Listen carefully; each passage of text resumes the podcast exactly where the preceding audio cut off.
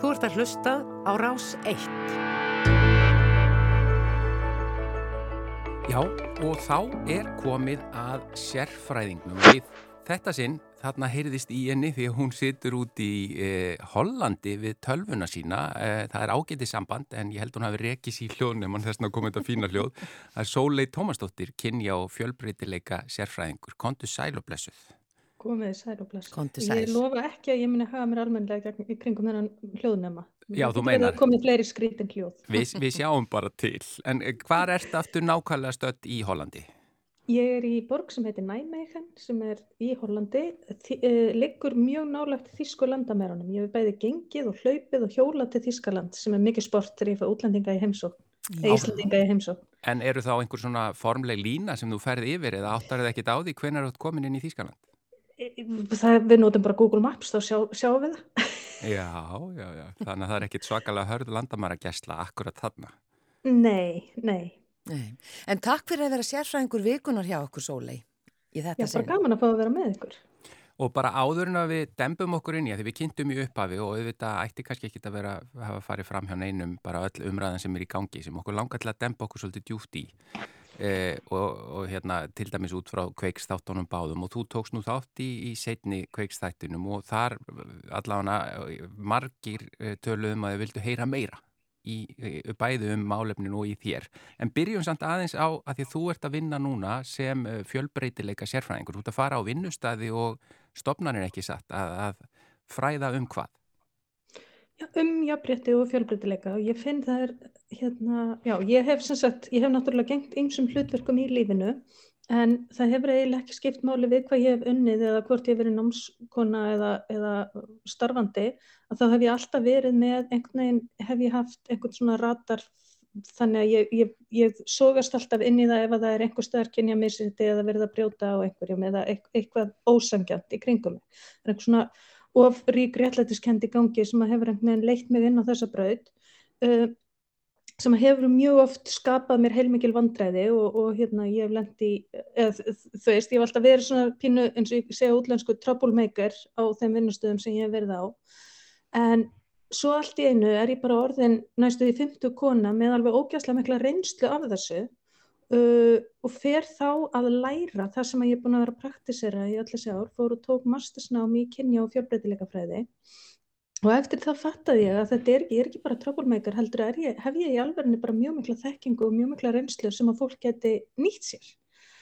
Og þannig ég ákvað að prófa það að, að bara bjóða upp á ráðgjöf og fræðslu og sviði jafnbreytis og fjölbreytileikamála og hef bara verið á algjörlega kafi síðan að ég fattaði upp á þessari frábæru hugmynd og það er bara ótrúlega gaman að finna hvað fyrirtæki og stofnanir eru áhugasum í að læra og aðlaga ferlana sína og fræða starfsfólki sitt og einhvern veginn breyta og reyna að stuðla að betri vinnustæðamenningu og meiri áhrif, jákvæðum áhrifum út í samfélagi. Já, og er þetta, eh, já bara, víða? Já, það er og verður alltaf meira og meira og merkilegt að e, sko flest þau fyrirtæki sem að auðvitað er vinnumarkaðurinn ennþá frekar karlægur en flest þau fyrirtæki sem að ég verið að hjálpa eru svona svolítið kalla fyrirtæki. Mm. Þannig að hérna, það eru svona karlægir geirar, það eru verkfræðistofur og orkufyrirtæki og byggingavöruverslanir og eitthvað svona sem er, er svolítið svona karlægt í grunninn en þar er mjög mikill og reyndar á miklu fleiri vinnustöðum en það er ótrúlega mikill vilji til þess að læra og, og styrkja þessar stóðir inni á vinnustöðum og ég finn sko mannöðstjórar mannöðsfólk yfir höfuð er bara alveg ofbóðslega áhuga samt þetta og langar mjög mikið til þess að geta gert betur. Þetta er, sko, umræðan auðvitað er orðin miklu, miklu opnar í dag en hún hefur verið og er, þú ert að fræða líka um ómeðvitaða hlutrækni. Segja sem að, og maður veldi því líka fyrir sér í þessar umræð sem við erum að fara inn í á eftir hversu mikið af þessu er í rauninni bara ómeðvitaða því að við bara búum í þessu samfélagi sem að hefur verið svona eh, í gegnum aldirnar. Akkurat og það er akkurat það sem að það er eiginlega þannig sem ég byrja allar mína fræðslur og öll mín nálgun gengur út á að sko það er ekkert okkar sem að ætlar sér að mismuna, það er enginn sem að, það, það, ég menna það er kannski einhverjur örfóða risaðilur eftir í samfélaginu sem finnst eðlilegt að kallar sér á herri launum heldur en konur eða uh, það megi beita kynferðsleiri áreitni eða það megi mismuna í ráðningum. Lang flest okkar ætla aldrei að mismunna og við held, höldum í alveg að við séum til til að gott fólk. Og við höfum, ég menna, vitundavakningin í samfélaginu undanfarnar áratögi er þess eðlis að við viljum ekki vera rasísk, við viljum ekki hafa föllunarfordóma, við viljum ekki vera, hafa fordóma kakvart tveitu fólki. En uh, við kunnum ekki að breyta hegðun okkar og sko hugsunin okkar er uh, að svo rosalega stórum hluta uh, sjálfvirk. Við tökum 35.000 ákvarðanir á hverjum einasta degi og við veitum ekki af nema kannski, ég veit ekki, hundrað.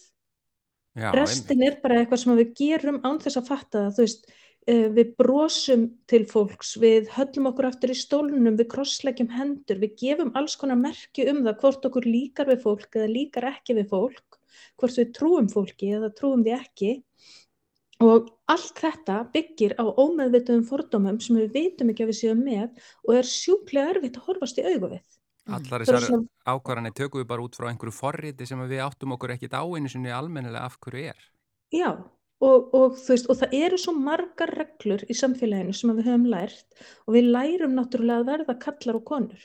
Já. Við lærum hvernig við hefum að hafa okkur sem kallar og konur og við lærum að uh, samfélagið gerir bara ráð fyrir annarkort kallum eða konum sem bytnar auðvitað á uh, fólki sem ekki upplifa sig sem kalla eða konur. Já. eða sem ekki, ekki hérna, hagar sér eins og kallar og konur eiga að haga sér.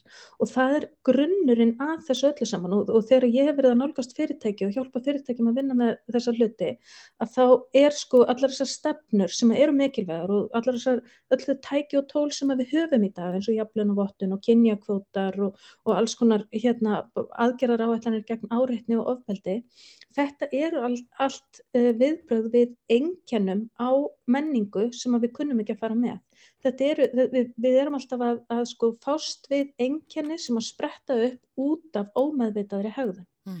Þannig að ég mæli alltaf með því að við köfum dýbra í menninguna, við þurfum á þessu öll saman að halda og ég hef stundin kallað kalla þetta plástra uh, vegna þess að við erum með sár í menningunni, í vinnustæðamenningu, í menningunni í samfélaginu, ég menna mismununin, engjannin, þur, við þurfum að plástra þau, ég menna við vitum þurfum við fáum sára, það er gott að, geta, það er gott að eiga plástra, en það sem við þurfum að gera er að koma í veg fyrir að sárin myndist Já. og til þess að við gerum það, þá þurfum við að fara miklu, miklu dýbra og lifa miklu heilbriðar í lífstíl. Mm. Já.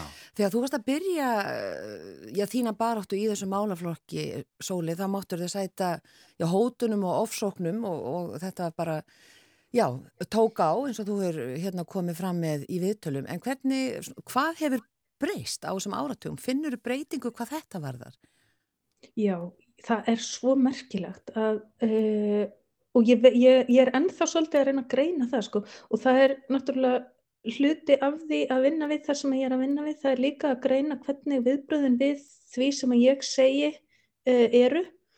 Og ég meina eins og þú segir sjálfa þá hérna ég mætti náttúrulega mjög mjög neikvæðu viðþorfi í upphafi, ég meina ég er búin að vera í þessu í 20 ár og lengur en svona á ofnbjörnum vettfangi í næstu í 20 ár sem hérna Sólei Tómasdóttir sem er einhvern veginn svona doldið svona drungalegt nafn fyrir mörg að hérna uh, og það mun sennilega alltaf lifa með mér.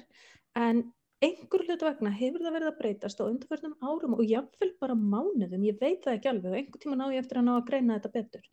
En að sko hlutir sem ég er að segja í dag ég fæ í alverðinni borgað fyrir að segja nákvæmlega sömu hluti í dag og fólk hataði mig fyrir að ég segði fyrir 20 árum Já. Það hefur eiginlega ekkert breyst í því hvað ég er að segja heldur hafa bara mótökur skilir þinn breyst og það er frábært og það, það er svona, ég er í smá sjálfsmyndarkrísa með þetta sko en Þú veist ekki hvernig þú ætti að taka þessu? Nei, það er svolítið skrítið að vera einhvern veginn hérna, um, vera alltaf einu bara viðurkend sem sérfræðingur mm.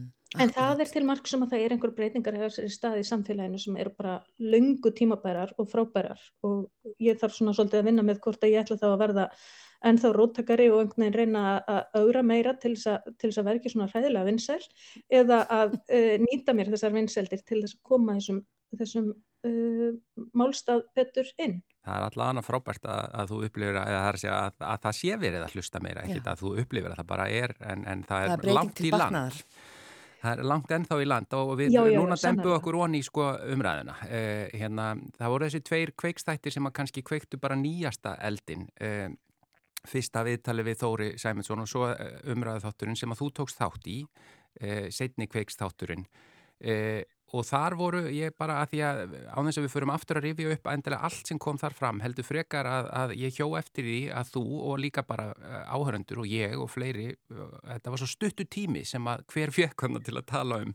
Og þú skrifaði bara svona auka hugleðingu inn á uh, þinni síðu undir þínu fyrirtæki þar sem þú fóst aðeins yfir svona nokkur mál sem þú náðir ekki almennilega að orða. Má, má byggja þau um að fara aðeins yfir þessar pælingar? Já um ég, og þetta hefði, ég hefði getað skrifað miklu, miklu meira.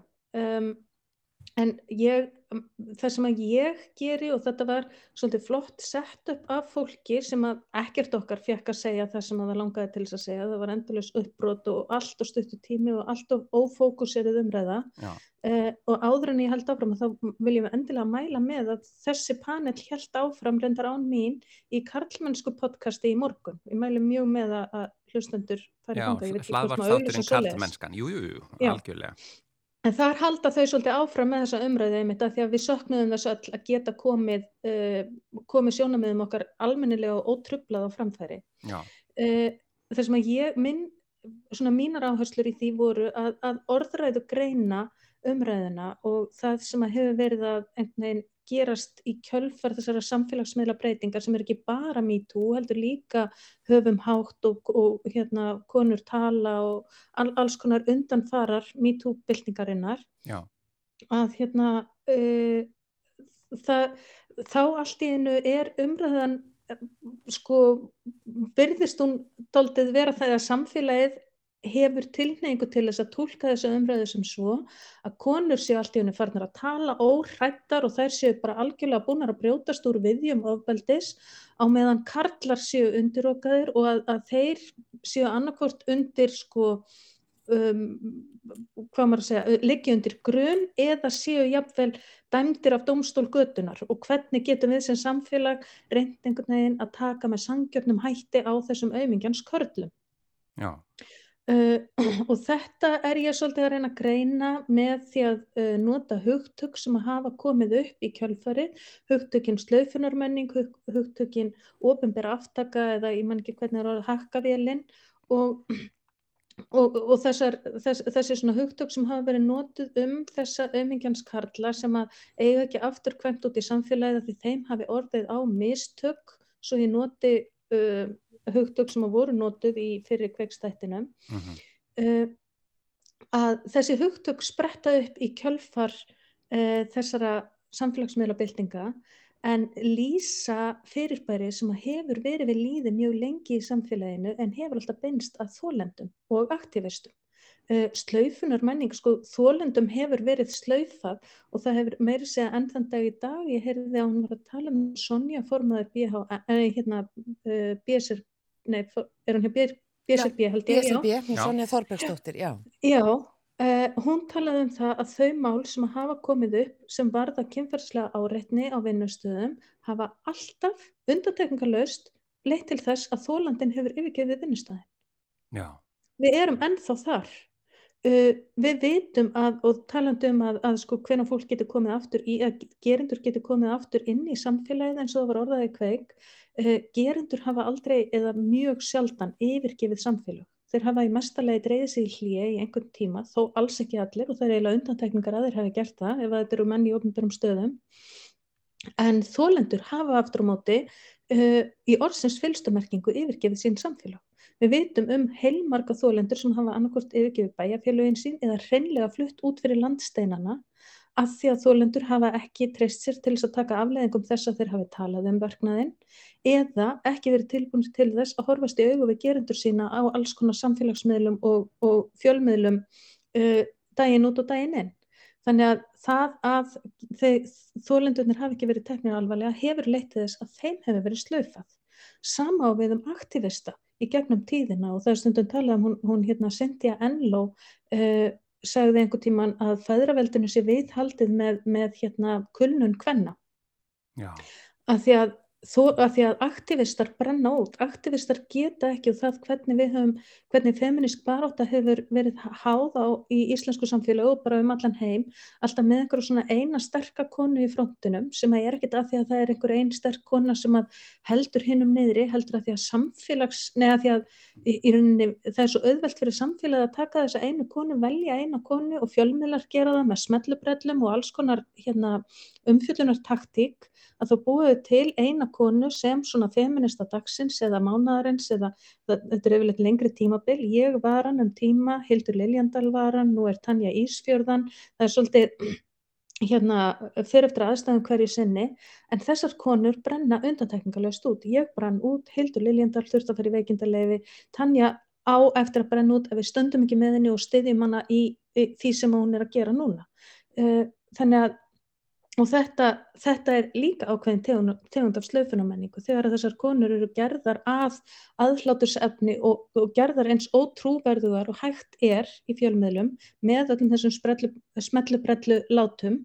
Uh, ég, meni, ég veit ekki hversu oft hefur verið fyrirsögnin sólei hjólar í, sólei ræðst á sóli er reið þessum eða hinnum. Þegar ég bara koma með einhverjar almennar hérna aðtöðasemtir og Karl sem að væri að tala um eitthvað sem að væri meira mainstream viðfangsefni væri tólkaður sem sko álitskjafi eða vel ígrunduð. Já. Já. Þá er ég gerð að það búin til ákveðin ímynd af mér sem á endanum brítur uh, konur niður og þannig er fæðraveldinu viðhaldið að því að talskonunum er hérna e, talskonurna brenna út og þetta sendir líka mjög skýr skilabót til annara, annara feministar sem að langar til að taka þátt í umröðinni að, að þær þóru það kannski ekkert að þær vita hvað það er sem býður þeirra ef það er verða á ábyrrandi Þannig að, og þessi slaufunarmenning er eitthvað sem hefur aldrei verið tilnætt orði yfir, en ég held að slaufunarmenninga er miklu, miklu betur við um þetta fyrirbæri, heldur en um það að einhverjir einstaka gerendur hafi mögulega þurft að horfast í augu við afleðingar gjörða sinna, án þess þó að það hafi haft áhrif á þá til lengri tíma. Þetta er kannski bara líka að, að hérna, nú beinist, beinast bjótin aðeins að þeim sem að, þau hafi ekki beinstað áður og þeir eru bara ekki vanir því að takast að því, úst, að því maður heyrir þess að frasa það má bara eða hvað má maður segja í dag eða eitthvað svona en það er bara það má kannski segja eiginlega allt en þú verður bara að taka uh, afleðingum af því sem þú segir.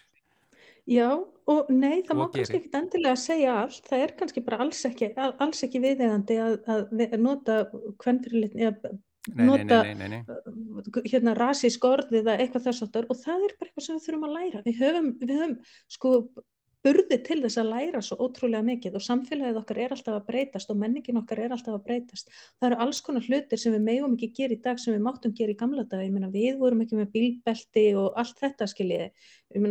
Tampustun, alls konar hlutir sem við höfum bara lært að eru hodlir og góðir fyrir okkur eh, er eitthvað sem við höfum lagt á okkur að því við vitum að það skapar betra samfélag. Þetta er hluti af því og við þurfum ekki að kvart yfir því svona, svona, svona mikið, þetta er ekki jafn hræðilegt og uh, fólk vil meina.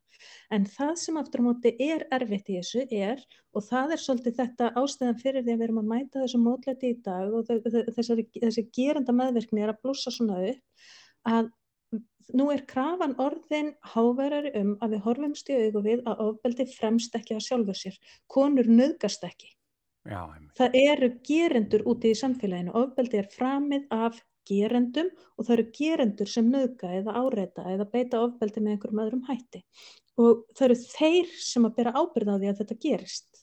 Og það er ógeðslega erfitt af því að við erum vöndi, við höfum fram til þessa hort á, jú, við erum orðin vöndi að þólendur verði fyrir ofbeldi, það er til, það er til ofbeldi, þólendur verða fyrir ofbeldi. Það var vond í gamla daga að hlusta það þegar við erum að stopna stígamót til dæmis að þá voru stígamótakonur sagaður um að uh, um að vera að finna upp þetta fyrir bara sefjaspell uh, þólendur sem að töluðu upp og þær mættu mótlæti og þær voru, þær voru hérna þær, þær skömmuðust sín og ég man eftir að mér fannst rosalegt þegar ég var lítil að einhver hefði orðið fyrir ofbeldi, einhver hefði orðið fyrir nöðgun, þetta var eitthvað, maður leit viðkomandi einhvern veginn skrítnum augum, ja. í dag er það orðið miklu miklu viðteknara.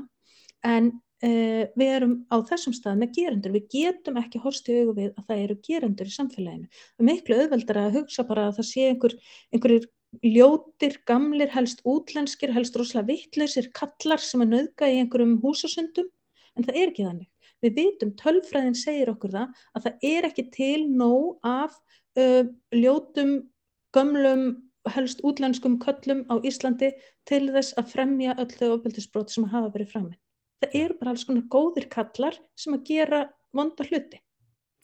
Já, Sóli Tómasdóttir, ég hérna, uh, við ætlum að taka eitt lag núna, brjóta þetta aðeins upp og svo ætlum við að dempa okkur í spurningar sem hafa komið inn og þá getur við, að þær eru, er að segja, þá, þá hefur við tækifæri til að fara ennþá dýbra inn í ímis að, að þessu málum sem að tengjast þessu umræðefni.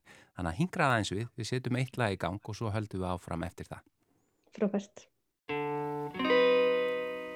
Hvað er að hvita ský, hvað er að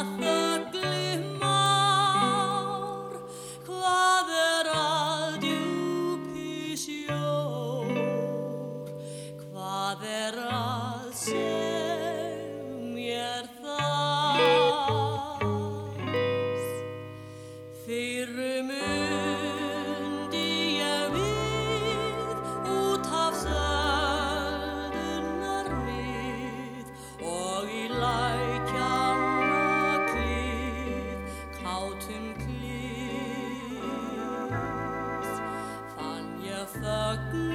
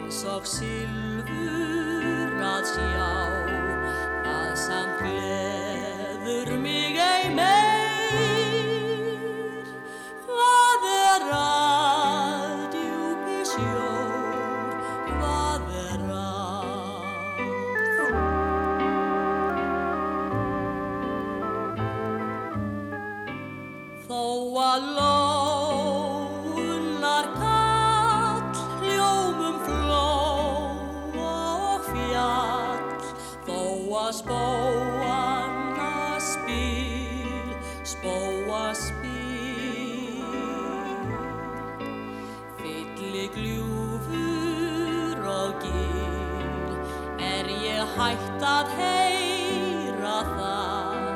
Hvað er að djúpi sjór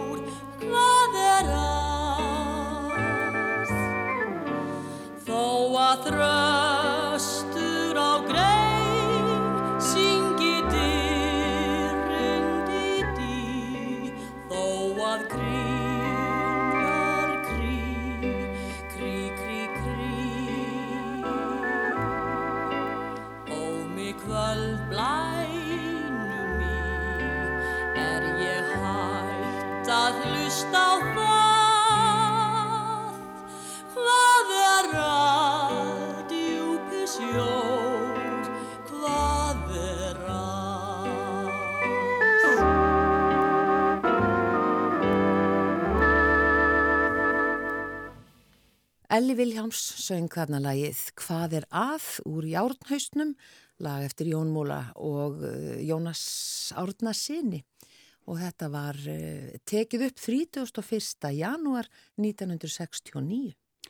Já, uh, og við erum með sérfræðing í þættinum, það er hún Sólei Tómasdóttir. Við töluðum mikið á hann, vildum tala miklu meira, en nú er komið að því að svara spurningum sem hafa verið sendar inn frá hlustendum í postólf þáttarins. Þú ert þarna ennþá, uh, Sólei, Já, já, hæ, þú ert Hæ. tilbúin í fyrstu spurningu. já. Hér kemur hún góðan dag. Ég veldi fyrir mér eftir umræðana sem hefur átt sér stað eftir kveikstættina. A. Hefur einhver sem hefur verið sagaður um kynferðslegt ofbeldi brugðist rétt við, sem sagt sólei þekkiru dæmi þess, þar sem slíkur aðili hafi brugðist við á hárréttan hátt eða á þann hátt að hann eða hún hafi átt afturkvæmt innan gæsalappa. Og svo B. Er eitthvað land eða samfélag sem er komið langt í þessum málum sem sagt lengra en við hér á Íslandi sem hefur fundið leiðir til að takast á við þessi mál. Já, um, sko, Ég held að það sé ekki til neitt sem heitir hárréttur hátur eða uh, að einhver gerir allt fullkomið, ekkert okkar er fullkomið. En já, ég þekki til gerenda sem að hafa unnið bara talsvert vel úr sínum málum. Uh, það eru auðvitað mjög gildislega nálgun að tala um einhverju afturkvæmt eins og við fórum yfir áðana að hérna, það, það er ekki eins og gerendur yfirgefi samfélög eða fari í burtu en uh, Og það er alveg þannig að gjörðin mun líklega fylgja gerandanum þar sem eftir er alveg eins og þessar gjörðir mun sannlega fylgja þólandanum þessu eftir er. En það eru til gerendur sem hafa farið í gegnum bara mjög mikla sjálfsvinnu þar sem þeir hafa lært að bera virðingu fyrir fólki og virða mörg og hafa í alverðinni breytt hegðun sinni og framkomi. Sumir hafa mögulega náð einhvers konar sátt við þólandur sína, aðrir ekki, uh, en þeir hafa kannski gert sitt besta án þess að það ánáttúrulega engin heimtingu á að fá fyrirgefningu á einhverju eða, eða njóta aðdánar eða dyrkunar vegna einhvers en uh, það er kannski það sem að þeir sem að lengst hafa komist hafa einmitt skilið. Þetta snýst ekki um að einhver hérna hrósi mér fyrir hvað ég er að gera eða einhver fyrirgefa mér fyrir það sem ég hef gert heldur að ég verði betri manneski og skilji að það sem ég gerði var ránt og ég ætla ekki að endur taka það. Já. Já. Já. Það er kannski svarið við þessur, þessum fyrirluta. Við, við A, já, einmitt. Já, en, en sko, B, einhvað land eða samfélag? Mm, nei, sko, auðvitað er alls konar tilrænir víða í gangi. Þetta er það minnst frábært, hérna, frábært tilræn varandi klefamenningu í Svíþjóð í gangi þar sem við verðum að reyna að uppræta hana. Það eru til alls konar sáttameðferðarverkefni uh, sem eru í gangi við það og, og alls konar aktivista grúpur sem hafa komið upp með frábærar hugmyndir.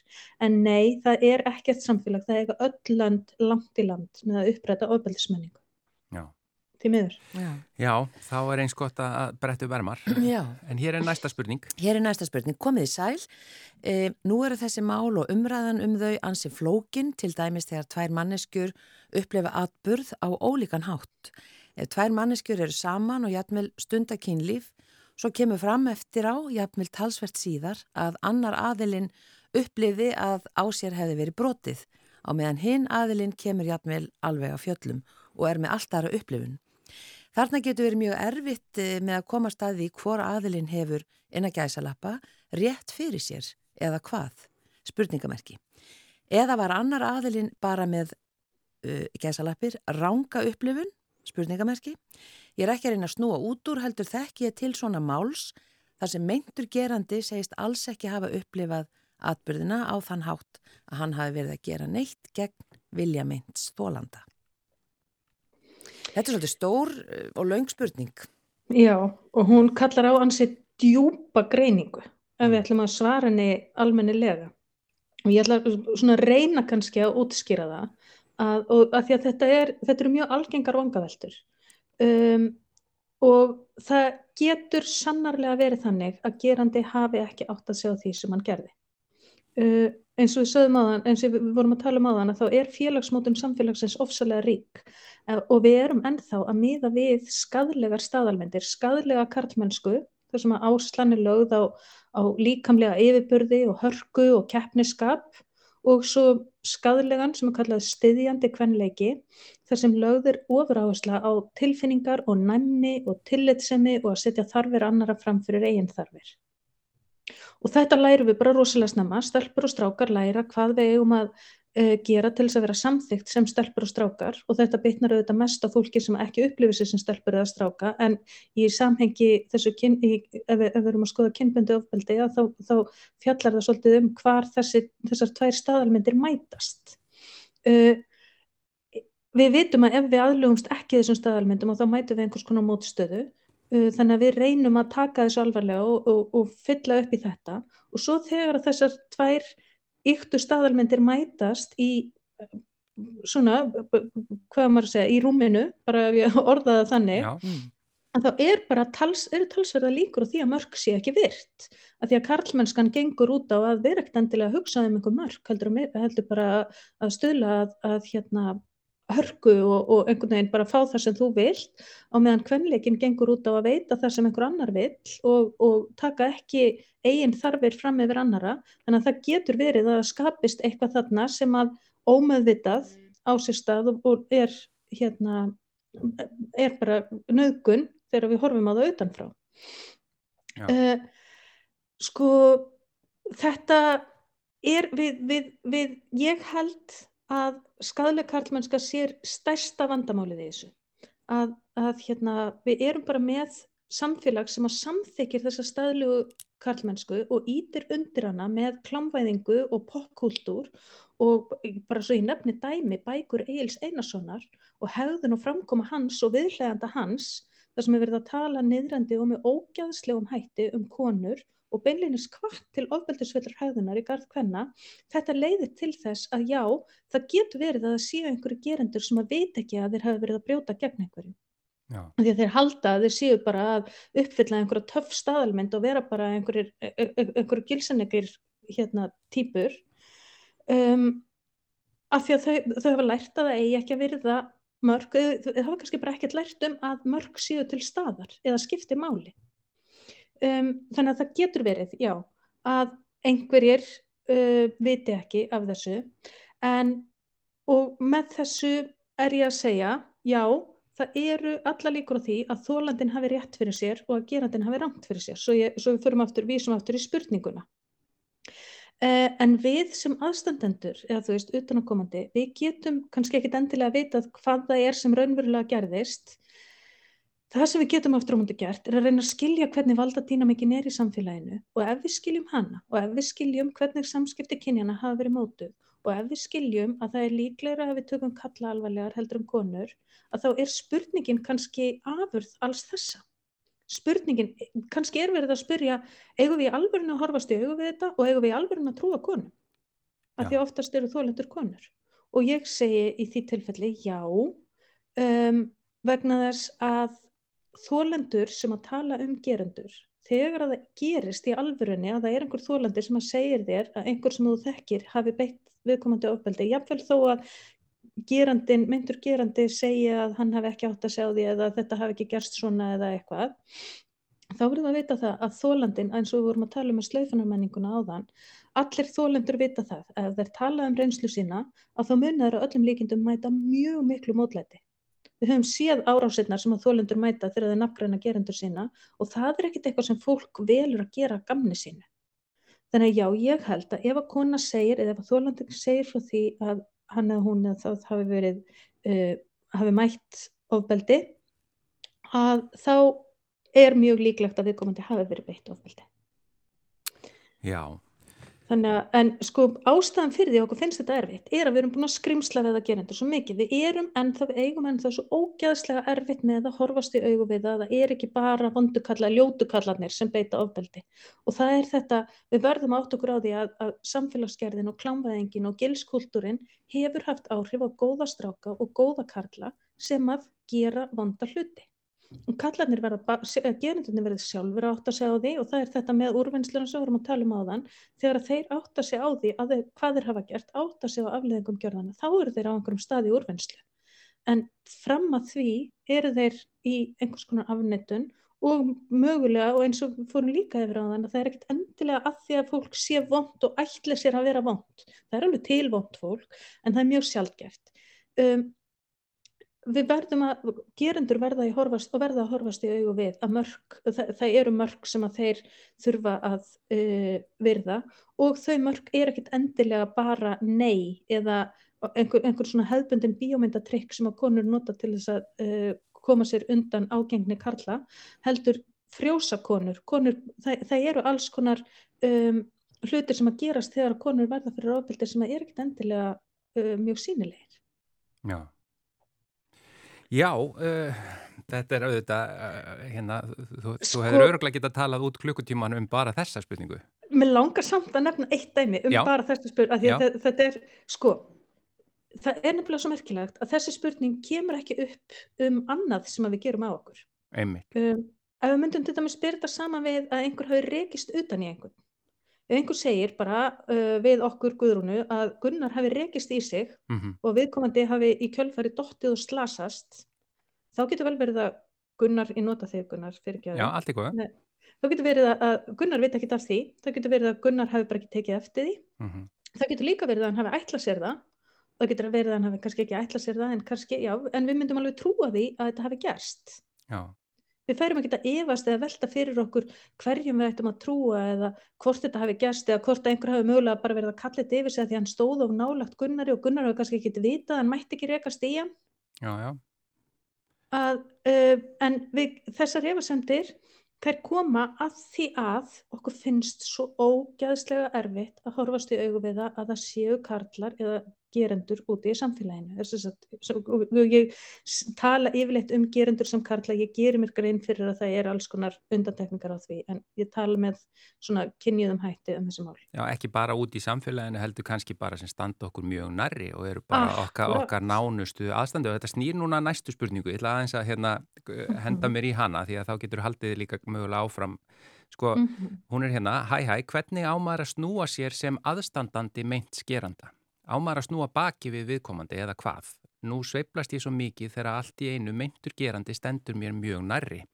Ég veit ekki hvernig ég á að snúa mér og fer í algjör að kleinu þegar ég hitti viðkomandi og jafnvel þegar ég held að ég mögulega geti hitt viðkomandi. Já, þetta er líka frábær spurning og einmitt bara í framhaldi af, og, og mjög gott framhald af þessu að því að uh, sko fyrir það fyrsta alltaf að uh, miða all, alla þína framkomu og hegðun við þarfir og vilja þólandans. Þólandin er að glíma við uh, jáfnvel þó að mér líði illa sem aðstandandi eða þér líði illa sem á sendir henni þessa spurningu þá skulum við öll vita að það er þólandanum sem líður verst.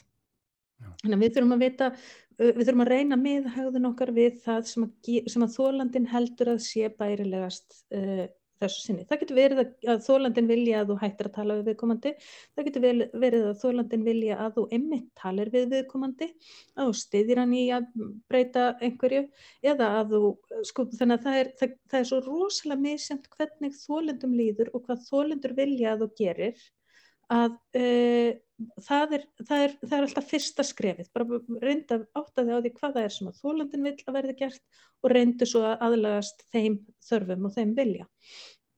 Uh, ef þú ert ekki í neinu sambandi við þólandan og kannski þekkir ekki þólandan og veist ekkert hvað þólandin vill, ef þetta er bara eitthvað sem þú hefur heyrt eða jafnvel að gerandin hafi treystir fyrir þessu, að þá er mikilvægt að þú reynir að fá gerandan með þér eða gerandan af stað í sjálfsveinu. Uh, að, að gerandin bæði átti sig á hvað það er sem að viðkomandi hefur gert og hvernig viðkomandi getur breytt hegðun sinni.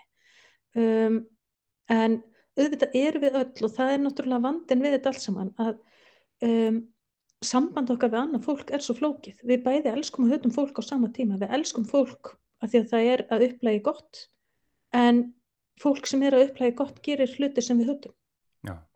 Uh, þannig að það er aldrei því miður, það er ekki til neitt einlít svar við þessari spurningu en ég held að sko meginreglan hljóta að vera svo að mæta þörfum þólandans og að reyna að stuðla að því að gerandin vinni, horfist í augu við það sem hann hefur gert og vinni í sínum málum. Og hér er önnur spurning, eh, Halló Sólei, nú eru öll svona mál nánast sett undir sama hatt, það er að segja, sama hvort það er dónaskapur, það sem farið er yfir mörg annarar mannesku og allt yfir í reynd og klárt ofbeldi, nauðgun og svo framvegis. Í umræðinu í dag verðist vera gerður lítill greinamunur á ofantöldu sem ég velti fyrir mér hvaða áhrif eh, hafi á umræðuna og að fólk sé hrætt við að blanda sér í umræðuna. Mm Já, þetta er einmitt líka mjög algeng spurning um, og kannski byggir hún svo litið á því að umræðan er að þróast hratt. Uh, sko, dónaskapur þar sem farið er yfir mörg annar en mannesku er alvarlegri hlutur heldur en að við höfum kannski álitið í gegnum tímans rás. Við, höfum, við erum orðin vön því að hreint ofbeldi og nöðgun sé eitthvað sem við höfum að fordæma en við erum ennþá að læra að fordæma dónaskap þar sem að verður að fara yfir mörg annars fólks. Og uh, þess vegna kemur upp svona byrju er verið að leggja þetta í jöfnu, ég veit það ekki og það er kannski allur gangur á því. Vegna þess að eins og ég saði áðan að þá hafa þólendur mjög mismunandi upplifunir og mismunandi þarfir og uh, mismunandi vilja. Það, er, það eru til þólendur nöðgana sem að halda áfram með líf sitt tilturlega snurulust, ég segi ekki alveg, en það, og það er kannski eitthvað sem við þurfum líka átt okkur á, að það er mjög misjamt hversu mikil áhrif ofbeldisbrót hafa á þólendur. uh, það eru líka til þólendur sem að býða þess aldrei bætur að hafa orðið fyrir uh, þjóðbeldi sem þeir hafa orðið fyrir. Þannig að það, það er rosalega breyður skali af upplifunum þólenda, þarf, þörfum þólenda og tíma og orku sem að fer í að vinna sig út úr þjóðbeldi sem það hefur átt sér stað og það sá tími og öll þessi breyt fyrir ekki endilega eftir því hversu alvarlegt brotið var samkvæmt okkar hefðbundnu mælikverðan. Af því að nú getur dónaskapur þar sem farið er yfir mörg annar mannesku uh, án þess að nöðgun eigi sér stað leitt til mjög mikillar vanlíðanar uh, og ég veit ekki þið hafið sjálfsagt orðið vörð við hérna söguna sem að, geng, sem að hún telma sagði af vinkonu sinni uh, á Facebook uh, þetta var lög, kona sem var ný útskriðið sem lögfræðingur fyrir að vinna á lögfræðistofu mætir þar mjög mikillar áreitni var ekki nöðgat samkvæmt þessari sögu en, en mætir þar mjög mikillar áreitni um langt skeið enginn sem tók á því. Þessi kona endaði því, það endaði með því að konan lést áratug setna hún misti stjórn, hún misti tökin í lífi sínu. Já. þannig að það, það getur verið mjög mjög mjög alvarlegt að uh, verða fyrir því sem að þarna er, er hérna, orðað sem dónaskapur þar sem farðir yfir mörganar af mannesku og kannski jáfnvel alvarlegra heldur en ein einstök nöðgun. Það er, bara, við, það er, ekki, það er svo erfitt að gera, eh, búa til einhvern e, e, einhver stigveldi úr áreitni og ofbeldisglæpum að því að það er svo misjamt hvað áhrif það hefur á þólenduna. Þannig að, um, og ég held að þetta sé eitthvað, að því að það er spurt hvað áhrif þetta hafi á umræðina, við erum bara svo stutt komið, samfélagið er svo stutt komið í að skilja þetta að ég held að þetta sé gott, ég held að þetta sé bara eitthvað sem við þurfum að læra að meta og, og skilja og á endanum munum við svo átt okkur á þessu. En þetta er um, kannski líka, þetta er svolítið góðu punktur að við erum svo stutt komin, það er að við, við verðum svolítið óþólum og okkur finnst við einhvern veginn, ef ekki bara klára þetta, en við bara, hérna, það er kannski óraunsæ krafa eins og bara málinn standa, þegar við erum að vinda ofan af aldagamlum, uh, hérna, aldagömmlu málum. Já, og það er að því að ég ber þetta stundu saman og ég, það er með núna tvö tilfinni til þess að taka hérna samanbörðin á, umræð, á þessum umræðum og umræðum um, um hérna fiskveðistjórnarkerfið. Að sko fiskveðistjórnarkerfið er miklu miklu einfaldari hlutur að breyta ef okkur finnst það ósangjant þá ættu að geta breyti en við okkur hefur samt ekki tekist það í áratögi Eh, það sama á við um þetta, við, við finnum enga einhlýta, e, enga einhlýta lausn á ofbeldismenningu sem hefur grasserað frá bara örofi alda uh, sísona. En við getum aftur á móti uh, unnið að mjög góðum lausnum í þáu þólenda og til þess að koma í veg fyrir uh, ofbeldi, að ofbeldi eigi sér stað ef að við hlustum á sérfræðinga. Af því að það er líka annað sem að, að því að í spurningunni áðan að tala um að fólk getur verið hrætt við að blanda sér í umræðina uh mhm. -huh. að, og það er önnur svona mýta sem hefur verið að koma upp aftur og aftur, þetta er svona að verða að klifa á því að fólk þór ekki og, og það lendir bara í hakkavel ef það kemur með ranga skoðun og svona í það því að vondu feministarnir lefi fólk ekki að hafa skoðanir.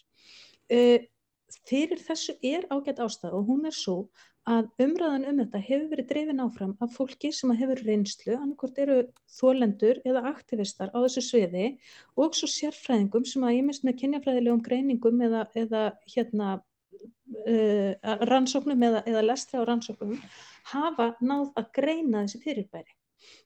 Og, og það er hérna það er ekkert óeðlilegt að maður hérna lendir kannski í því að þurfa raukstuða málsett eða lendir að vilja ógöngum ef við förum inn í slikar umræður án þess að hafa þekkingu á því sem við erum að, að segja.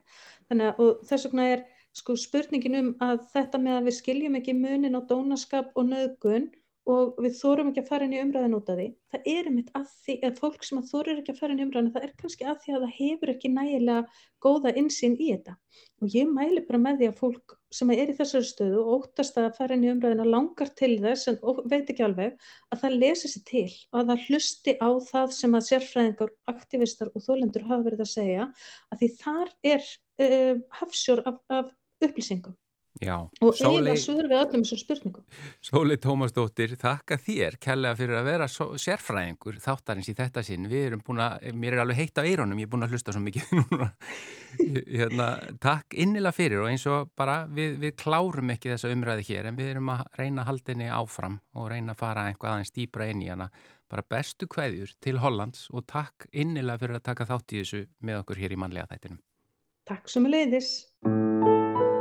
Þú ert að hlusta á Rás 1.